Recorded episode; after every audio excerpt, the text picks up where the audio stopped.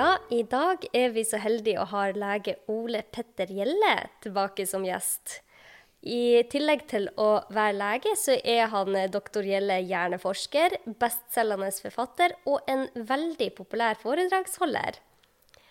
Og jeg syns også at vi kan nevne at han, eh, Ole Petter Gjelle han har faktisk vunnet NM-gull i maraton.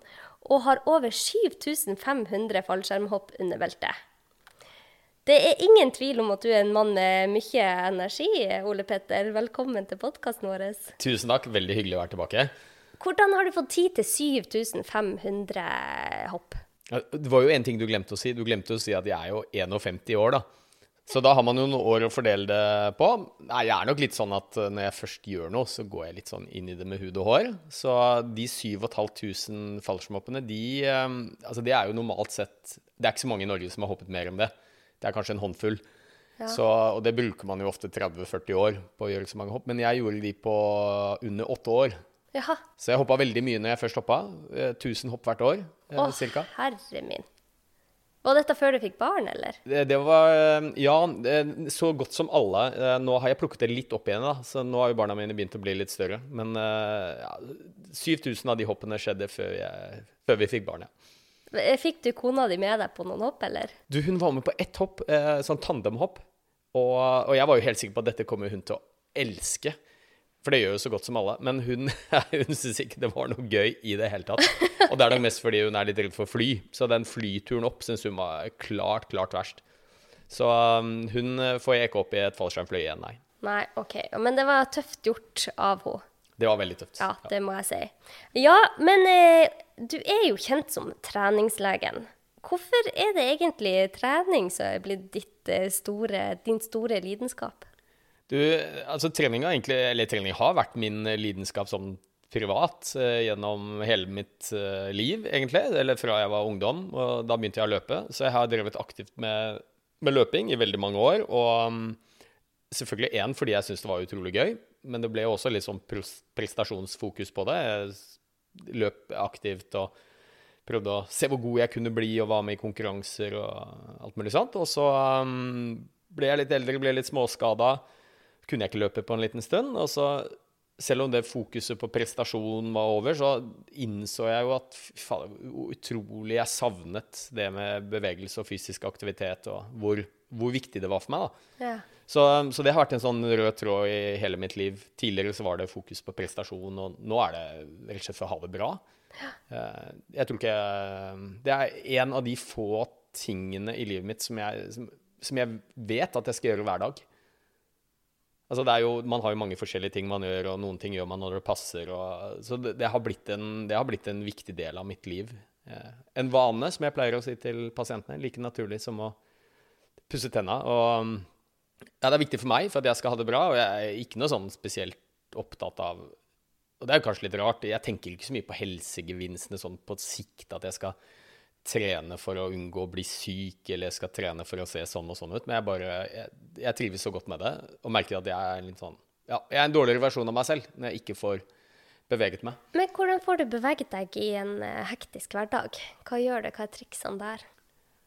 Nei, triksene uh, jeg, tror det ene er jo at man uh, Det har blitt en vane, så jeg vet at det der er viktig for meg. Så jeg prøver å ha en litt sånn plan på det. at jeg rett og slett har bestemt meg for at jeg skal få det til en eller annen gang i løpet av dagen. Eh, nesten uansett. Eh, og så må man ha noen kompromisser, da. Ikke, som jeg sier til pasienten min også, glem å prøve å klekke ut den perfekte treningsøkten som du har lyst til å gjennomføre, for den får du sannsynligvis ikke gjennomført. Så har jeg et lite vindu i løpet av dagen, så prøver jeg å skvise inn et eller annet.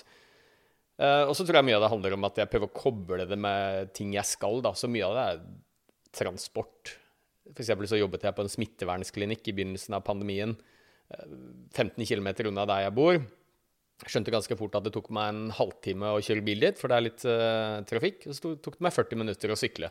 Ja. Så, så, da er det jo veldig enkelt, tenker jeg da, at uh, OK, da sykler jeg heller. Så bruker jeg ti minutter lenger, men så får jeg meg to treningsøkter i løpet av en dag. Ja, det det er bra gjort. Men det jeg likte så godt med um, det du sa i forrige episode Du var jo gjest hos oss for en stund siden.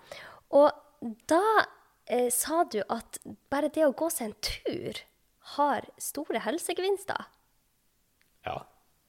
Og det er jo veldig mm, motiverende for folk som ikke kanskje har eh, motivasjon til å sykle til jobb, men det å gå seg en tur etter jobb Ja, jeg, jeg, snakker veldig mye om det, og jeg prøver å unngå å bruke ordet trening så ofte, fordi at uh, det er litt sånn ladet ord. Uh, for veldig mange iallfall, og spesielt de av mine pasienter jeg har møtt i allmennpraksis, som jeg vet hadde et ønske om å få litt mer bevegelse inn i hverdagen, for helsas skyld bl.a. Men med en gang vi begynte å snakke om trening, du, så, så, kom det opp en sånn mur Uh, og mange av de hadde jo da et sånn negativt forhold til ordet trening, stammet fra skoletiden, ikke sant, med gymtimer hvor de kanskje ikke følte at de mestret og ble valgt sist. Og, mm. Så jeg snakker mye mer om bevegelse.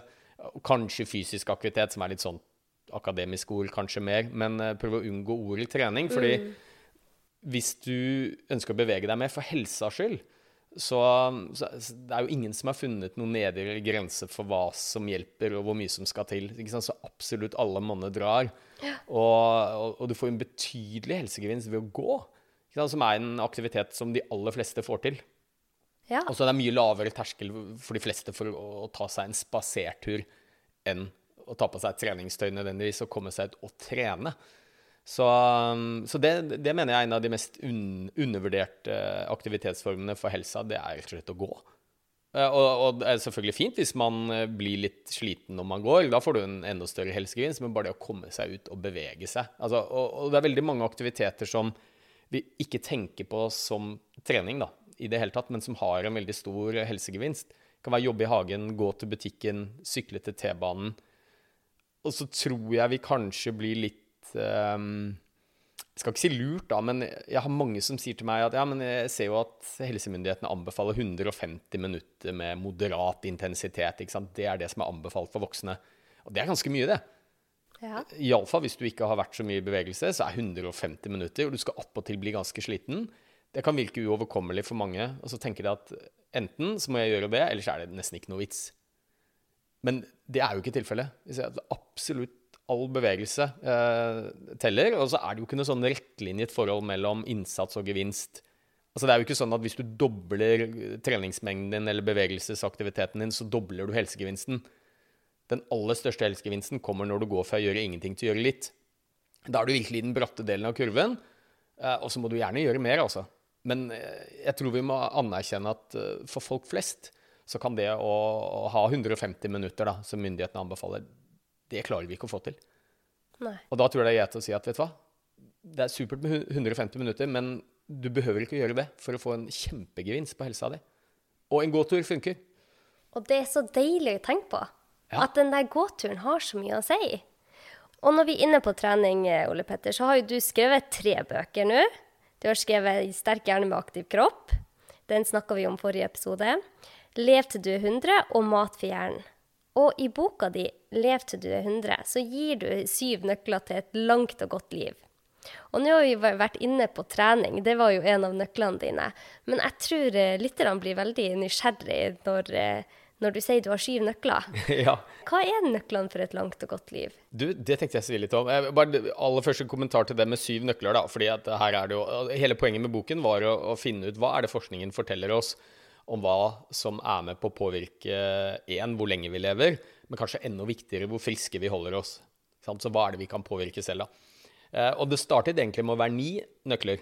Ja. ja eh, lev til du blir 100, ni nøkler til et langt og godt liv.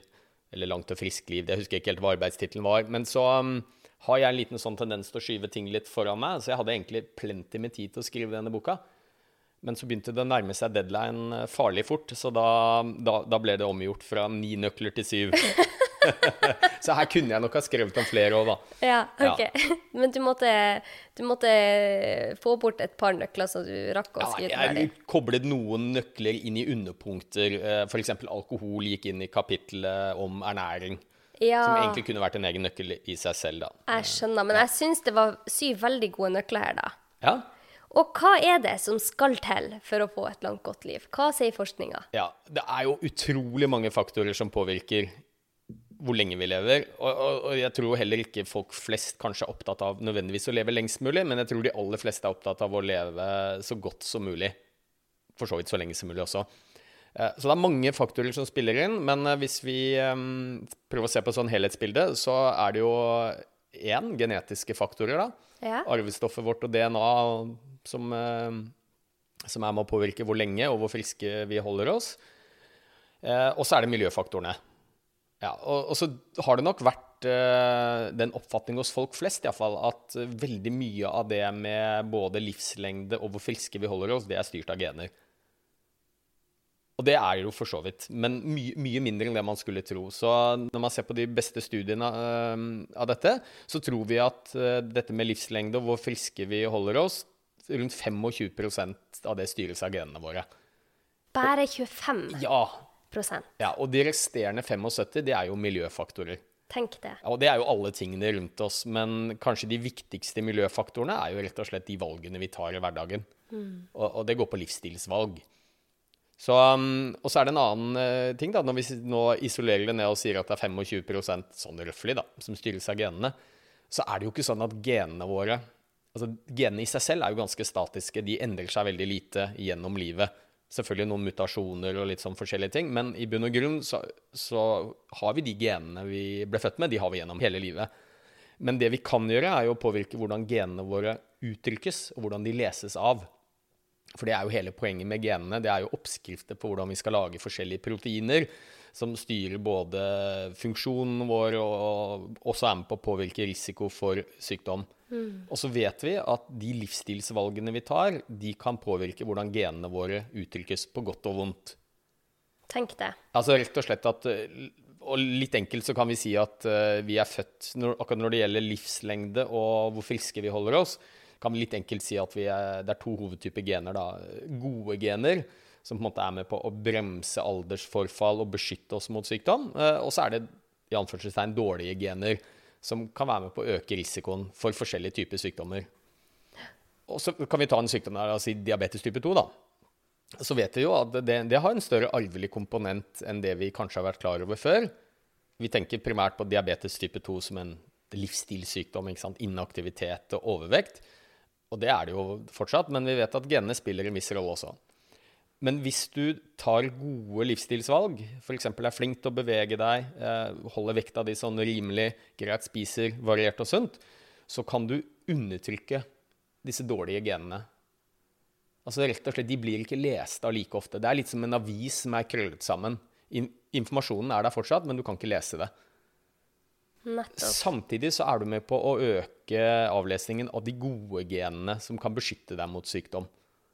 Så, og Det er det som kalles epigenetikk, som er bindeledd mellom gener og miljø. Altså rett og slett at gode livsstilsvalg eh, de kan ikke endre genene dine sånn rent anatomisk, men de kan være med på å påvirke hvordan de uttrykkes. Altså du, du, du leser ikke like, av, like ofte av de dårlige genene, og kanskje leser oftere de gode genene.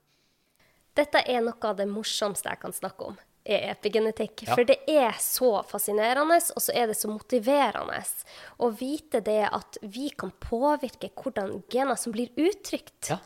Og dette er jo ganske nytt, og det forskes jo masse på det. Men tenk at vi kan endre genene våre ved hvordan vi sover, trener, hvordan vi eh, har det med oss selv, relasjoner. Alt spiller en rolle på hvordan genene våre blir uttrykka. Det er så artig, og jeg elsker å snakke med dette til pasientene mine òg, for det gir dem så mye motivasjon. For at før, når vi ikke kunne så mye om det, så var det litt vanskeligere å fortelle at ja, ja, mor di og far din og bror din har diabetes, men vi tror ikke at du får det. Men nå kan vi faktisk si ja, men epigenetikken kan slå inn her. Hvis du gjør noen livsstilsvalg, så trenger ikke du å få det. Nei, nei og, det, og det er jo helt fantastisk. Og så er det mye som tyder på at de som kanskje er Litt vanskelig, men er, er født med de mest uheldige genene, da, som kanskje har størst genetisk risiko for å få diabetes type 2, det er jo de som vil ha aller størst nytte av de gode livsstilsvalgene også.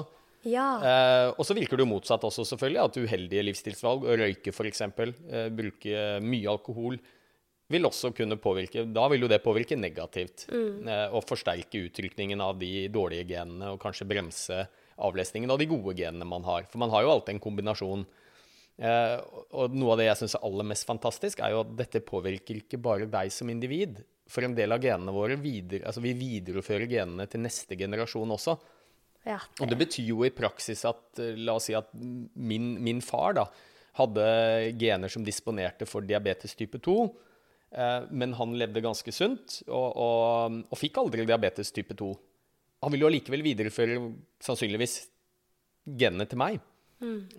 men da vil også jeg være beskyttet pga. de livsstilsvalgene han tok i sitt liv. Så, så vi er ikke bare med på å beskytte oss selv mot sykdom, men vi beskytter framtidige generasjoner også, basert på de livsstilsvalgene vi tar. Det er nesten ikke til å tro. Nei. Så hovedpoenget med å, Så det var jo én av nøklene, da. Det var jo gener. Og, det, og da stusser jo folk litt for genene. Hva søren kan vi gjøre med de? Men Masse. det er jo der epigenetikken kommer inn. ikke sant? Så hovedpoenget mitt var å si at liksom, det er du som er i førersetet eh, for å påvirke sannsynligheten din for å leve lengst mulig og best mulig. Det er ikke genene dine. De er selvfølgelig viktige, de òg. Selvfølgelig. Men um, det er enda viktigere de valgene du tar. Og så er det selvfølgelig ikke, ikke noe garanti. Du kan være født med kall det gode gener. Du kan ta stort sett bare gode livsstilsvalg, være fysisk aktiv, spise sunt, ikke røyke, ta vaksiner. Og så kan du bli frarøvet et langt liv. Eller så kan du ta en rekke uheldige livsstilsvalg eh, og leve til du blir gammel og holde deg frisk. Og det betyr at det er bare uendelig mange faktorer som påvirker. Ja, ja, ja. Også en del tilfeldigheter. De rår vi ikke i særlig grad over. Men hovedpoenget mitt med boka var bare å, å si at ved å ta Her er det noen faktorer som du kan påvirke selv. Og ved å påvirke de, så øker du iallfall sannsynligheten for å leve lengst mulig og friskest mulig. Og det er jo veldig motiverende å høre. Ja, altså det er rett og slett noe vi kan gjøre noe med selv. Ja, så da har vi genene og epigenetikk. Det, Det er en av nøklene. Og trening er en eh, annen nøkkel. Ja. Og jeg må bare spørre eh, et siste spørsmål på trening, da. Hvor er egentlig knekkpunktet mellom innsats og gevinst her? Ja, det, det er jo et veldig godt spørsmål. Det er jo det vi kaller liksom doserespons da, på fagspråket. Hvor mye må du gjøre av en gitt behandling for å gi en gitt uh, gevinst? Og der vet vi jo veldig mye mer uh, om legemidler f.eks. enn det vi gjør om trening. Jeg pleier å si at trening er en behandling, det også, men der vet vi litt mindre. Så kommer det litt an på hva du ønsker å oppnå. Men jeg tror nok hvis, du, hvis målet ditt er å leve lengst mulig, og kanskje ikke minst friskest mulig, altså det vi kaller all cause mortality, altså redusere sannsynligheten for tidlig død av forskjellige typer sykdommer, hjerte-karsykdom, kreft osv., så, videre, så er vi nok kanskje ikke så langt unna det myndighetene anbefaler, da. Eh, som er rundt 150 minutter i uka med moderat intensitet. Um, for øvrig så er det jo en forskningsgruppe oppe i Trondheim med han Ulrik Wisløff, som er professor i kardiologi. De har jo sett på data fra denne kjempestore Hunt-studien, hvor de har fulgt opp titusenvis av mennesker, kartlagt livene deres, hvor mye de beveger seg, kartlagt sykdommer de får i løpet av oppfølgingsperioden. Og de mener jo å ha funnet eh, liksom knekkpunktet, da, eller, eller iallfall det som er optimalt, da, med tanke på helsa. Eh, og det er noe de kaller PI. Har du hørt om det? Ja. ja. personlig aktivitetsintelligens. eh, Som rett og slett er at man måler hvor mange minutter man befinner seg i forskjellige intensitetssoner i løpet av en dag. F.eks. hvis du har en sånn klokke som jeg har, eh, en klokke med pulsmåler, så er den på hele døgnet, og så finner den ut hvor mange minutter har jeg en puls som er under 70, f.eks. Da er jeg jo stort sett i hvile. Hvor mange minutter har jeg i den intensitetssonen som kalles lett intensitet? Hvor mange minutter har jeg i moderat, og hvor mange har jeg i høy? Og så gir den deg et visst antall poeng. Jo flere minutter du har i høye intensitetssoner, for det er, liksom, det er jo der vi vet at den aller største helsegevinsten ligger når man blir skikkelig sliten, så kan du kanskje si at en ti minutters rask løpetur er like bra for helsa di som en 45 minutters spasertur. Tenk det. Ja, så, så det er jo sånn Men altså, her har vi jo ikke noe helt eksakte mål. Men um, jeg får jo veldig mye spørsmål på liksom, hva er det ideelle? Det er jo mange pasienter som spør meg, ikke sant? de har lyst til å begynne å trene. Altså. Vi vil de vite hva som er helt ideelt? Og da er jo svaret at det er jo mye. Altså, fordi den der kurven, den flater litt ut, da, men den fortsetter jo så, så litt enkelt så kan vi jo si at jo mer du trener, Og jo høyere intensitet du har på det, jo større helsegevinst. Ja. Men kurven er ganske flat når du kommer til dit punkt. Så, øh, og, og, det er jo ikke det folk flest har lyst til å høre, at hvis jeg skal begynne å bevege meg, øh, og hva er det som er opp, optimalt for helsa, så har du jo ikke lyst på ti timers treningsuke med masse intervall og laktatmåling med Gjert Ingebrigtsen. Det er på en måte ikke det som Det er ikke noe folkehelsestrategi, tror jeg. Og her har ikke jeg noen mulighet til å gi noe helt eksakt svar, det tror jeg ikke noen kan heller, men jeg har prøvd meg på et sånt standardsvar da, når uh, mange spør meg hva er liksom knekkpunktet mellom innsats og gevinst, dvs. Si en aktivitet som er overkommelig uh, for folk flest, samtidig som det gir en betydelig helsegevinst. Og da har vel jeg sagt at uh, hvis du klarer en halvtime iallfall, tre ganger i uka, sånn at du blir litt svett og andpusten, altså sånn at, sånn at du blir litt sliten, helt uavhengig av hva du gjør, så henter du kanskje ut 90-95 av alle helsegevinstene ved å bevege seg. Tenk det.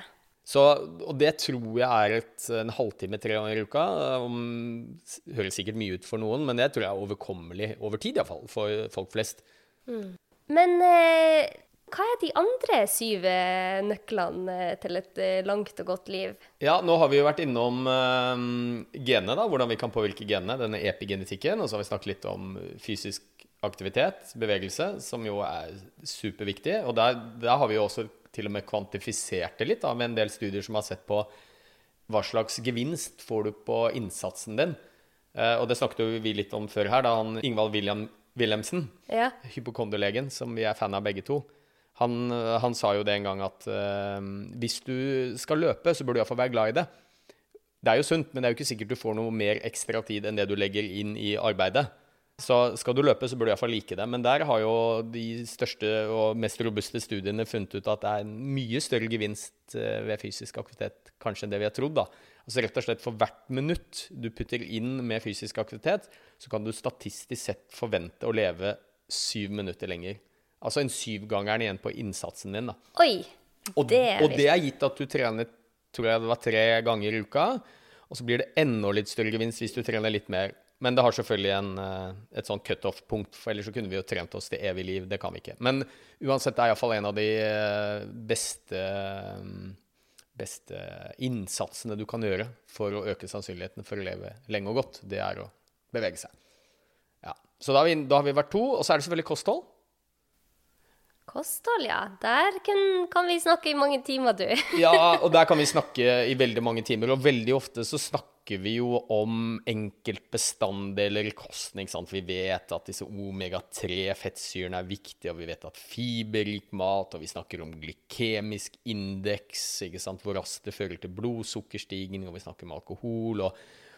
Men, men, det, men, det, er jo sånn at vi um vi spiser jo ikke antioksidanter eller, eller, eller fiber. Altså, vi spiser jo mat. Mm. Så, um, så, det jeg har fokusert i boka der, eh, det er jo hva slags type sånn kosthold, da, sammensatt kosthold, er det som i størst grad påvirker helsa vår.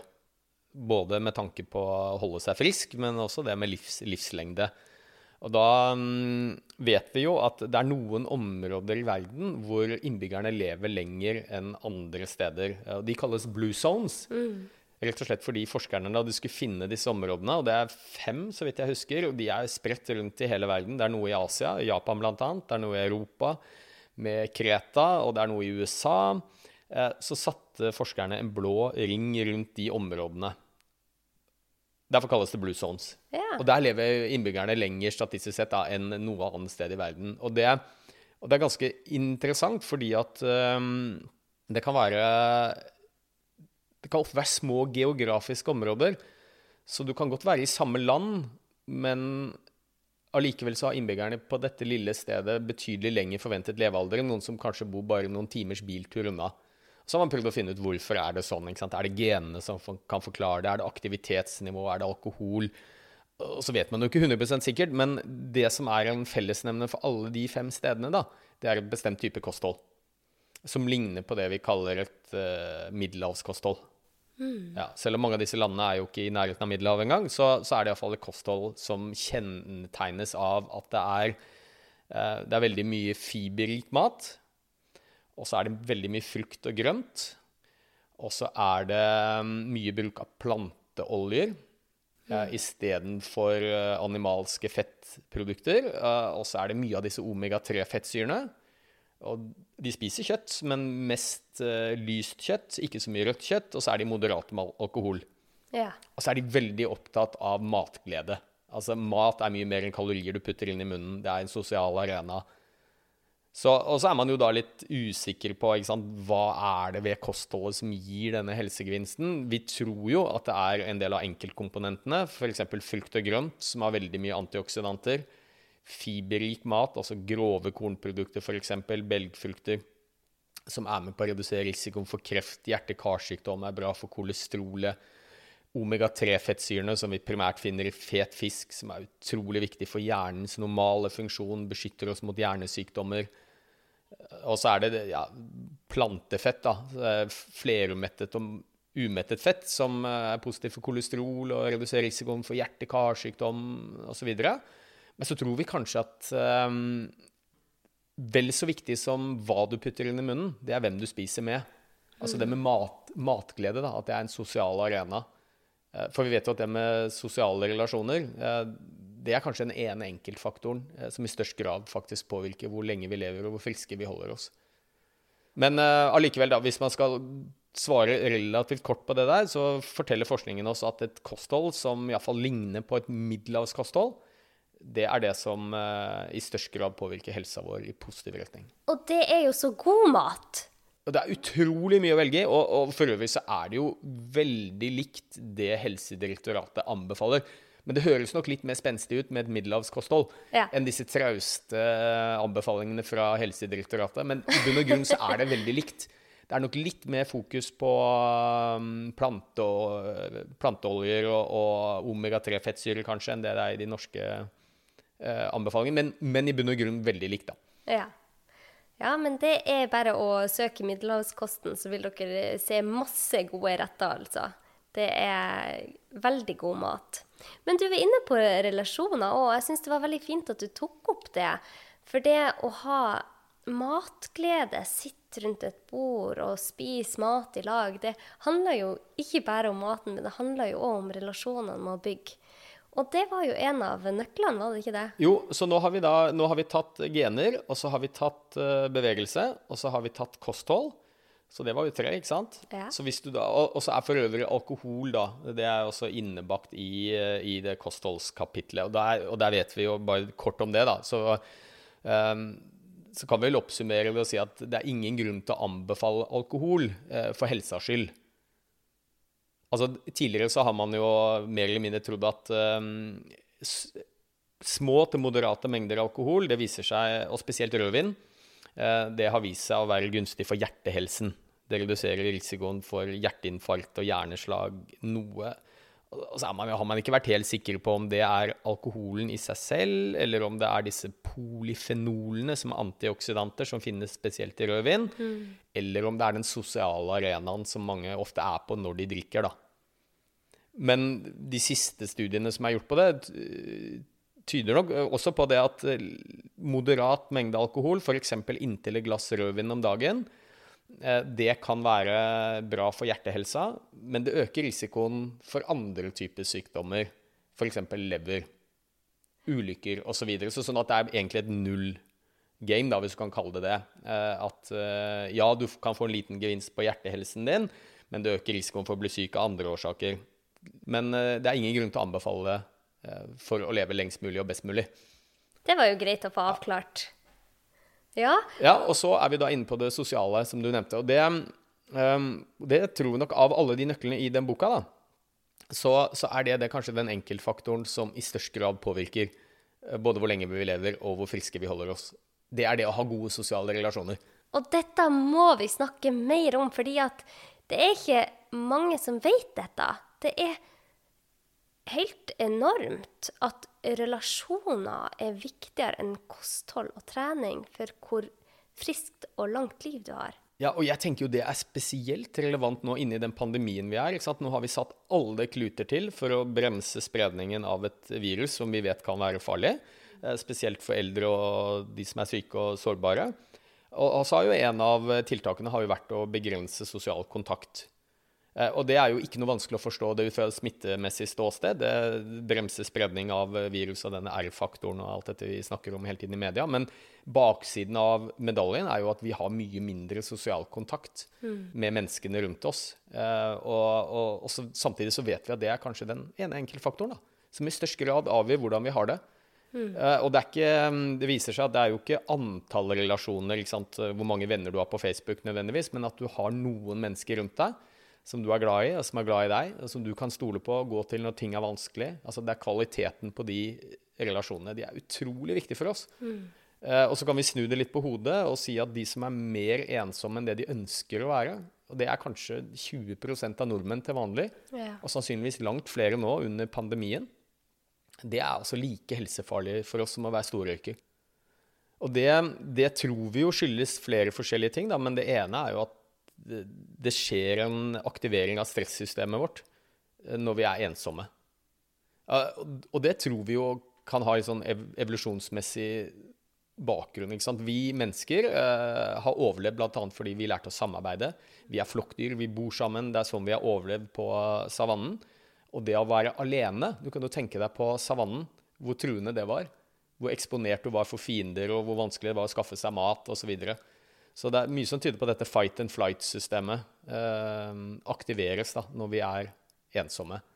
Eh, som medfører masse uheldige helserisikoer med økt blodtrykk og uheldig blodsukkerregulering og kolesterolnivå og alt dette her. Mm. Så det i seg selv da, øker risikoen for å bli syk over tid. Eh, og så er det jo noe med at det å eh, Altså rett og slett, hvis du har gode sosiale relasjoner, har godt nettverk, mennesker rundt deg, så står du mye mer robust og stødig i vanskelige situasjoner. Som vi jo mennesker opplever alle sammen. Mm. Og så er det noe med den sosiale støtten rundt det å ha gode relasjoner som også kanskje påvirker deg til å ta bedre valg for deg selv, da, rent helsemessig. Du kan se for deg det at hvis du, eh, hvis du har en mor eller far som er blitt aleine, eh, og så har du god kontakt med dem, at du vil kunne være med å påvirke dem til å sant, komme seg ut, bevege seg, Kanskje spise sunt, være sosial, ta medisinene sine sånn som det skal. Så det er ganske mye sosial støtte i det å ha gode relasjoner, da, mm. som faktisk påvirker oss å ta bedre valg for oss selv. Ja, vi støtter hverandre. Dette er noe jeg har blitt mer og mer um, opptatt av de siste årene. Det handler ikke om kvantiteten, det handler om kvaliteten du har. Og da må man investere i de òg. Ja, og, og, det pleier jeg å si at altså, hvis du skulle puttet energien din inn på Så nå er det mange forskjellige ting som påvirker helsa, som vi er inne på, men skulle, ikke, skulle du puttet uh, energien din i én ting, og som jeg tror kanskje mange undervurderer, så er det det med å ha gode sosiale relasjoner. Mm. Uh, og der tror jeg jo vi lever i et samfunn hvor det fort kan bli litt neg neglisjert. Da. Vi lever hektiske liv alle sammen, og, og, og opplever nok ganske mange at vi får mindre og mindre tid til å pleie relasjoner også. Og um, blant annet dette med skjerm. ikke sant? Ja, ja. Hvor mye tid bruker vi ikke på skjerm? Så du kan gå ut, og så ser du Jeg var ute for noen måneder siden. Og da var det en liten sånn glippe i, i eh, restriksjonene, så da var det mulig å, å gå ut. Da så jeg et, tydeligvis et kjærestepar da, som kom ut skulle ha kjærestemiddag for seg selv. Og så satte de seg ned ved restaurantbordet, og så var det fram med telefonen. Ja, tenk det. Og der satt de i flere timer. De snakket ikke sammen i det hele tatt. All tiden ble bare brukt på skjerm. Så um, jeg tror iallfall det er en veldig undervurdert helsefaktor. da. Ja. Underkommunisert og undervurdert dette med viktigheten av å ha gode, gode vennskap og relasjoner. Og, og, og, det er ikke så viktig hvem det er heller. Det kan være en ektefelle, det kan være en kjæreste, det kan være et barn, det kan være en nabo, en venninne, en kollega. Ja. Altså Det spiller ikke så veldig stor rolle hvem det er, men kvaliteten på relasjonene er viktig. Ja. Veldig interessant. Og det er jo litt artig òg at det skal ha noe å si for helsa. For det trodde vi jo ikke før i tida, at det, det var en helsefaktor. Men nå vet vi at det betyr mye. Men du var inne på sosiale medier, og du skrev om det i boka di, og jeg måtte bare gule ut alt det der, for jeg syns det var så spennende. Du skrev bl.a. en Du tok opp en studie hvor en eh, psykolog ved navn Adam Alte fra USA hadde undersøkt hvordan voksne amerikanere tilbrakte tida si mm. i 2007, og så nå i 2017. Kan du fortelle litt om det? Ja, du, det er rett og slett Man har bare kartlagt hva titusenvis av amerikanere bruker dagen sin til. Og så så man vel det første Første studiepunkt det var vel i 2007, tror jeg. Ja. Eh, og da så man at det gikk et visst antall timer til søvn, selvfølgelig. Et visst antall timer til jobb. Og så er det vel noe vi kaller basalbehov, som er som å spise og passe barna våre og dusje og personlig hygiene og sånn. Og så er det personlig tid. Ja. Eh, og så så man at det var ganske mange timer som ble brukt til det. Og den kategorien som het personlig tid, det er jo kanskje den tiden som er aller viktigst for oss mennesker. Hvor vi utvikler oss som individer, hvor vi pleier relasjoner, eh, dyrker lidenskaper eh, osv. Det var ganske mange timer i 2007. Ja, seks I løpet av et døgn. Ja, noe sånt.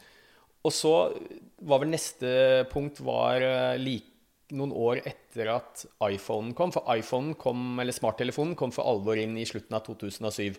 Og det endret jo drastisk hva vi bruker tiden vår til. Og så ble det gjort et studiepunkt i 2015, tror jeg. Og 2017. Og ja. 2015. Og i 2015 da hadde vi jo hatt smarttelefon i 7-8 år. Og da så man jo at veldig mye av det vi bruker tiden til, amerikanere da, i dette tilfellet, var helt likt.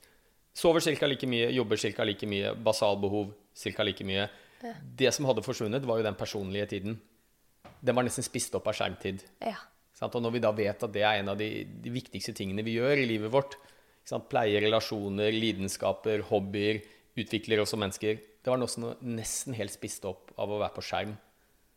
Og det er jo en tankevekker. Jeg syns det er så skremmende. Og eh, eh, som du skrev i boka, vi hadde seks timer egentid hvor vi bare brukte én time av de til skjerm i 2007.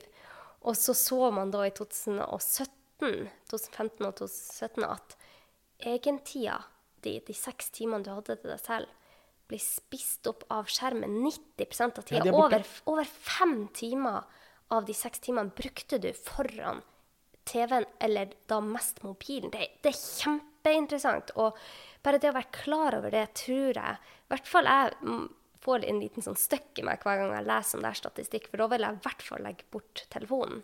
Ja, ja. Og, og så er det noen som sier det. Ja, ja, men det er jo mye positivt man kan bruke skjerm til også. Og, og vi vet jo at den teknologien vi har mellom hendene vi, som en smarttelefon, den har jo på mange måter beriket oss og gjør mm, uendelige muligheter. ikke sant? Du kan skype en slektning på andre siden av jordkloden, og det er masse viktige verktøy som vi bruker i hverdagen som gjør livet vårt enklere og bedre. Men han samme alltid gjorde også en annen studie hvor de så på hva er det vi bruker tiden til på telefonen, eller på skjerm, og hvor fornøyd gjør det oss. Eh, og det de gjorde da, var rett og slett titusenvis av amerikanere som hadde en app ironisk nok på telefonen. Eh, og så ble de plinget opp flere ganger i løpet av døgnet hvor det sto hva, hva har du brukt telefonen din til den siste halvtimen? Og så kunne du velge da, forskjellige alternativer. Og neste spørsmål var hvor fornøyd er du nå? Ja. Hvor glad er du i livet, eller? Ja, og det man så var jo at vi bruker tre ganger så mye tid på telefonen vår på apper og plattformer som gjør oss lite fornøyd. Altså vi bruker klart mest tid på bl.a. sosiale medier. Ja. Og der forteller veldig mange undersøkelser også at faktisk jo mer tid vi bruker på sosiale medier, jo mindre fornøyd blir vi. Og så bruker vi en tredjedel så mye tid på de appene og plattformene som faktisk kan være en berikelse for oss. Det kan være treningsapper, det kan være å sjekke vær, det kan være e-bøker. altså Det kan være veldig mye forskjellig. da, Så det er jo litt av ironien i dette. Vi bruker tre ganger så mye tid på skjerm, på plattformer og apper og mulig som gjør oss mindre fornøyde enn på de appene og plattformene som faktisk kan være positive for oss og gjør at vi har det bedre. Dette er vi nødt til å tenke litt på, for det, det håper jeg at alle hører og tenker over. Fordi at når vi vet det, så kan vi prioritere annerledes. Men jeg visste ikke dette. Denne statistikken hadde ikke jeg lest før. At vi bruker tre ganger mer tid på telefonen i de plattformene der eh, som gjør deg mindre lykkelig, rett og slett. Du ble, de hadde følelsen av at de ble mer ensom, mer ulykkelig, følte seg dårligere med seg selv. Og det handler jo ikke om at vi rasjonelt sett eh, tar dårlige valg og tenker at ja, ja, jeg vet at den plattformen ikke er god for meg, men jeg har lyst til å bruke den allikevel. Det er jo fordi det er utrolig avhengighetsskapende, og der er jo kanskje sosiale medier i en særklasse. Hvis du ser på Instagram hvis du ser på Facebook, så er det jo en rekke sånne hooks som gjør at vi skiller ut dopamin. eh, Og rett og slett blir litt hek hekta på det. Det kan være varsler, det kan være meldinger, det kan være noen har likt bildet ditt. Sant? Og det bare drar oss inn i det. Og, og, og spesielt så er det noen studier som jeg syns er interessante, som gjelder barn og, og unge. Hvor man har sett en sammenheng, og vi tror en årsakssammenheng, mellom det å være mye på sosiale medier og mental helse. Ja. Altså sagt på en annen måte, Jo mer tid du bruker på sosiale medier, jo større sannsynlighet for å utvikle nedstemthet, og i verste fall da, tegn på dep depresjon. Og så har man lurt litt på hva det kan jo være sånn, hva er høna, hva er egget. Er det sånn at man blir nedstemt av å være mye på sosiale medier? Eller er det sånn at de som er nedstemte, bruker sosiale medier mye? Men her tror vi altså at det å være mye på sosiale medier kan være en risikofaktor for å utvikle nedstemthet og depresjon. Og uten at vi vet sikkert hva som er årsaken, så tror vi jo kanskje at eh, Spesielt for barn og unge, da, som er veldig ja, Som har hjerner som er veldig formbare og, og er ganske lett påvirkelige. Du kan jo tenke deg selv hvis du er mye på sosiale medier, f.eks. Facebook, og så har du 3000 venner. Ja. Hva slags inntrykk får du av livene til vennene dine når du bare leser Facebook-feeden deres? Det her er positivt. Ikke sant? Folk legger jo bare ut glansbild, glansbildeversjonen av livene sine. Ikke sant? Det er en ny fjelltopp besteget, eller en romantisk middag ute på byen, eller ting du har oppnådd som er positive. Mm. Det er veldig få som skriver om skilsmisser og tapt eh, arbeid og bæsjebleie på en oktoberkveld på Facebook. Jo, så, så det er jo noe med at eh, hvis du vi, vi bruker ofte andres liv som en målestokk for hvordan vi har det selv. Og, og, og hvis du først og fremst forholder deg til venner via Facebook og sosiale medier, så kan du jo få inntrykk av at absolutt alle lever jo nesten sånne plettfrie, perfekte liv. Og det er det jo ingen som gjør. Men det skriver man ikke om på Facebook. Så, så, man, så man får litt uheldig inntrykk kanskje av hvordan andre har det, og det former litt hvordan vi føler oss om oss selv også. Og spesielt barn og unge er jo spesielt påvirkbare når det gjelder det. Ja, det blir spennende å se hva tida viser, og om vi kommer til å bli mye mer eh, strikt med barna om ti år, når mer og mer forskning eh, Ja, og så, og så er det jo selvfølgelig sånn at vi, vi kan jo ikke skru tiden tilbake. altså Disse hjelpemidlene og verktøyene har jo kommet for å bli. Ja, ja, nettopp. OK, ja, så relasjoner Det er i hvert fall ingen tvil om at relasjoner er veldig viktig for oss. Det er viktig. Og det vi kan gjøre, er å prøve å få gode, nære relasjoner. Du trenger ikke så veldig mange. Og så kan man prøve å unngå for mye bruk på plattformer eh, som sosiale medier, som kan gi deg følelsen av at du ikke er nok, eller at du ikke har det bra nok sånn som du er der du er i livet. Så det er jo bare sånne små tips som kan faktisk eh, være veldig effektive. Men eh, hva er andre nøkler til et eh, langt og godt liv? Ja, søvn. Søvn, det, Sånn. det elsker jeg å prate om. Ja, og det tror jeg også er litt sånn underkommunisert. Og litt ironisk kan du si det, da, at eh, jeg måtte jo gå inn og se mye på forskningslitteratur når jeg skulle skrive denne boka. Den er jo forskningsbasert, og det var jo ikke alt dette jeg kunne, kunne fra før. Så det er en litt sånn researchjobb du må gjøre når du skal skrive bok. Og jeg husker veldig godt at jeg leste mye om søvn. Og spesielt en bok som en eh, veldig dyktig professor som heter Matthew Walker. 'Hvorfor vi sover' heter den, og den satt jeg og leste. Og så gikk jeg inn i forskningsartiklene, og, og en av de tingene som oppsummerer ganske kort av viktigheten av søvn, er jo at jo kortere du sover, jo kortere lever du. Og det husker jeg at jeg skrev i boka mi, men da var klokken fire om natta. Og jeg satt med kaffe og snus for å holde meg våken, for jeg var tett innpå deadline. Oi, Så er, noen ganger så er det forskjell mellom liv og lære. Ja. Men um, ja, søvn er un undervurdert, tror jeg. Og vi trenger mye søvn. Altså Alle virveldyr er utstyrt fra evolusjonen med et stort søvnbehov. Og vi mennesker vi er den faktisk den eneste arten som med viten og vilje frarøver oss selv søvn. ja. Altså, vi prioriterer det bort. Og og så er det selvfølgelig en eh, andel nordmenn som gjerne vil sove, men, men som ikke får det til.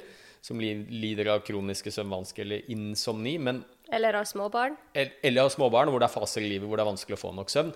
Men den viktigste grunnen til at vi sover mindre enn det vi trenger, det er rett og slett at vi prioriterer det bort. Ja. Og det er jo litt interessant, syns jeg, da, fordi at søvn er jo et basalbehov for oss mennesker, på lik linje med det å spise. Og, og det er faktisk sånn at du kan leve lenger uten mat enn uten søvn. Ja. Nå er jo ikke dette noe eksperimenter vi gjør på mennesker, men du kan leve en, en tre ukers tid eller noe sånt eh, uten noe næringsinntak hvis du får i deg væske. Men så lenge lever du ikke hvis du blir frarøvet all søvn. Så, um, og så er vi veldig gode til å lytte til noe basalbehov, f.eks. det å spise. Ikke sant? Hva gjør vi når vi blir sultne? jo, da spiser vi. Og det er jo et signal vi lytter veldig godt til. Kanskje noen ganger litt for godt. Skal være årsaken til uh, fedme og overvekt osv. Men eh, akkurat når det gjelder søvn, når vi blir søvnige, så gjør vi ofte et eller annet for å prøve å unngå Ja.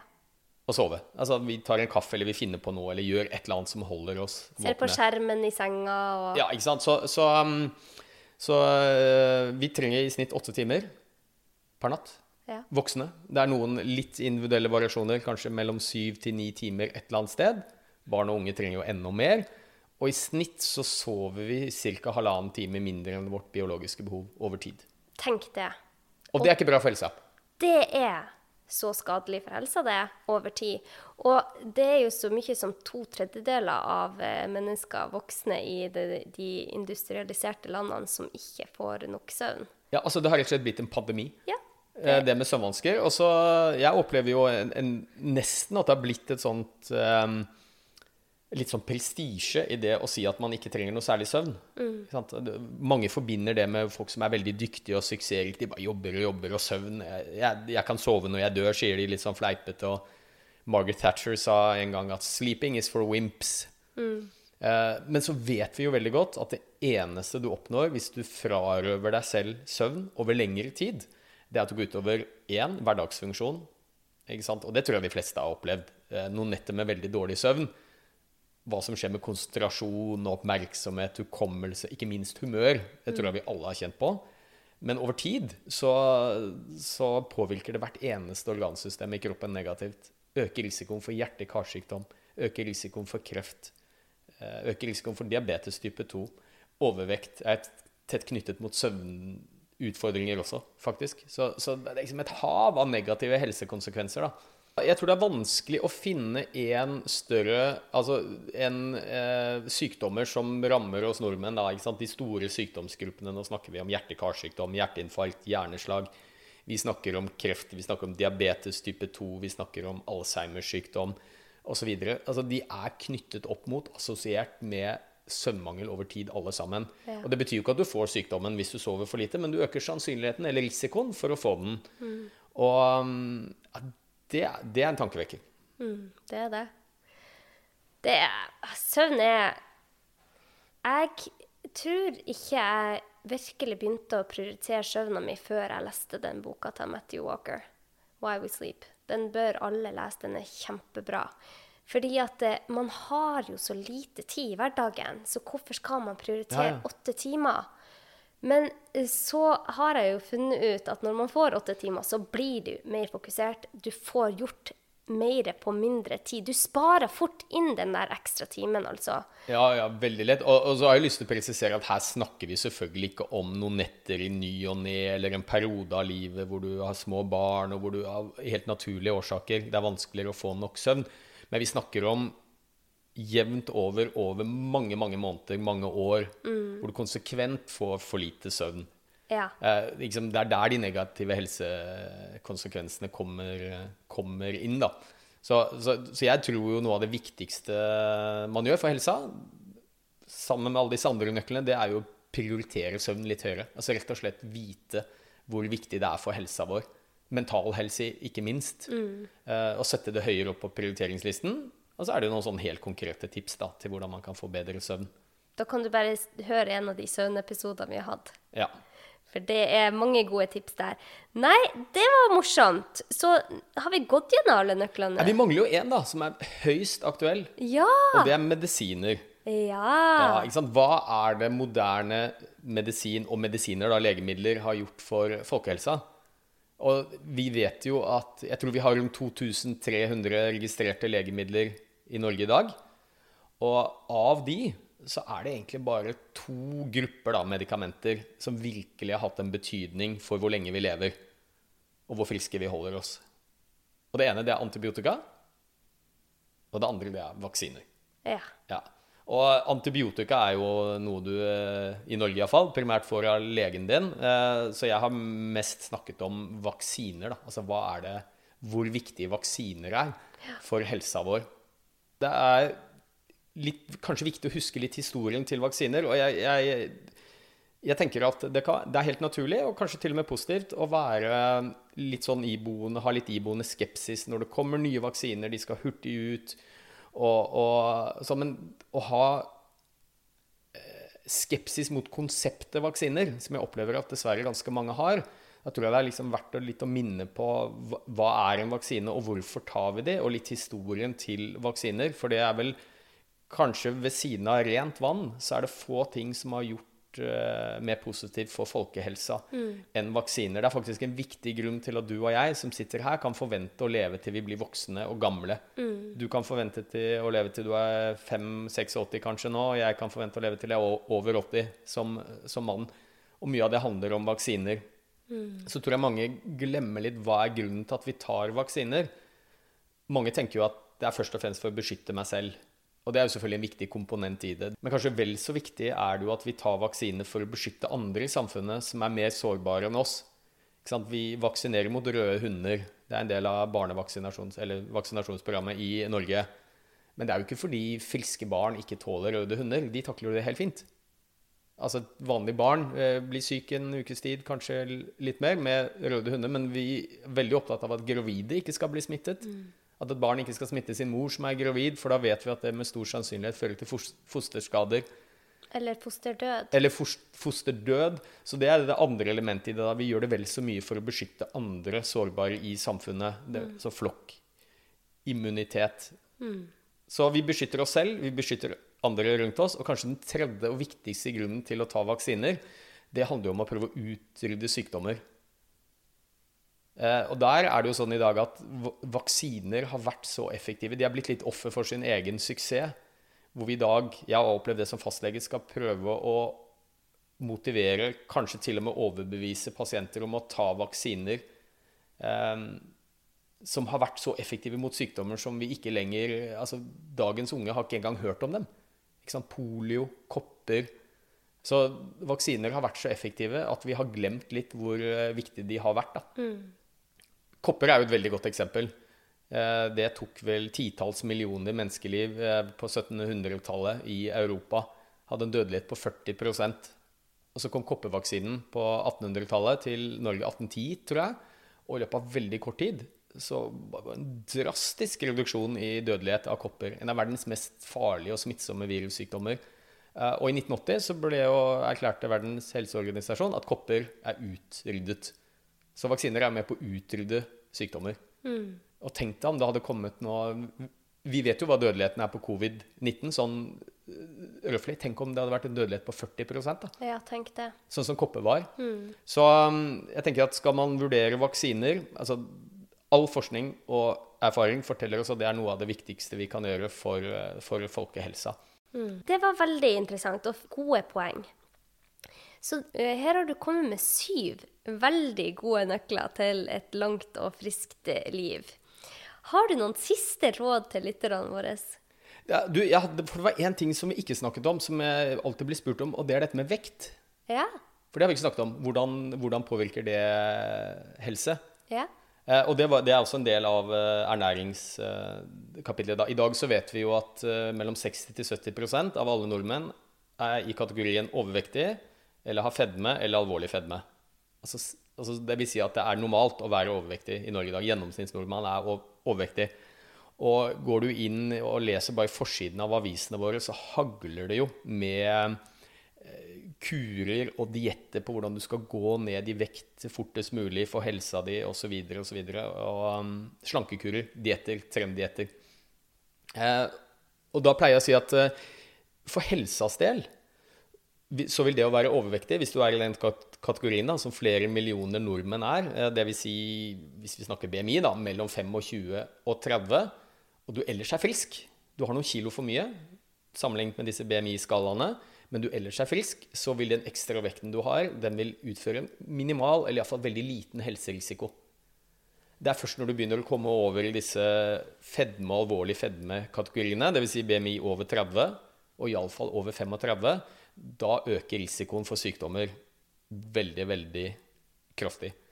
Så derfor pleier jeg å si at hvis du har noen kilo for mye, er kategorien overvekt, men ellers er frisk, så er det mye bedre for helsa di Altså, dropp dietter.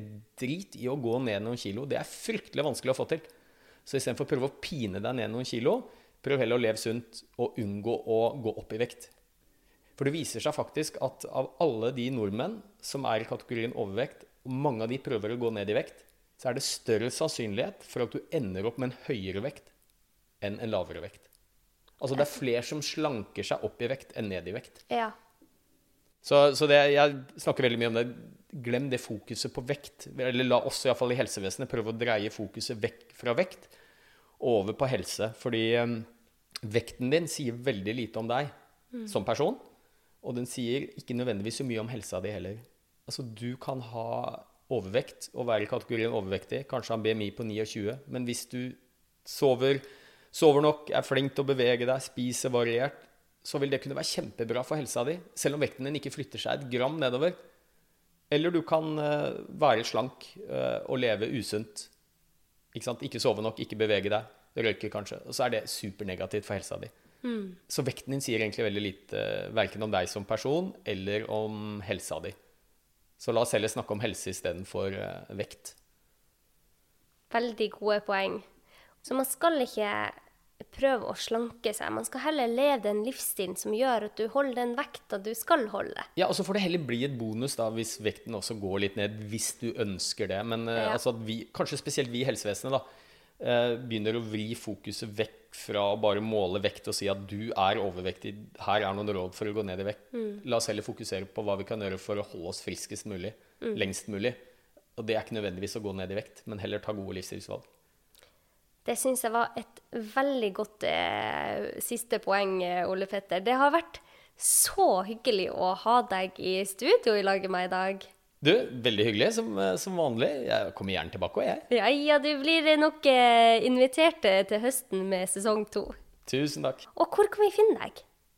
Hvor vi finner meg? Ja. Sånn, ja, du kan jo finne meg på sosiale medier. Treningslegen. Jeg har også en egen hjemmeside. olepettergjelle.no. Og så har du en podkast? Og så har jeg en podkast, Hjernesterk, som jeg har med Mats Kaggestad. Den finner du på Spotify og hvor du ellers finner eh, podkaster. Ja. ja. Kjempebra podkast. Og så har han tre bøker som er vel verdt å lese. Takk for at du kom, Ole Petter. Tusen takk for meg.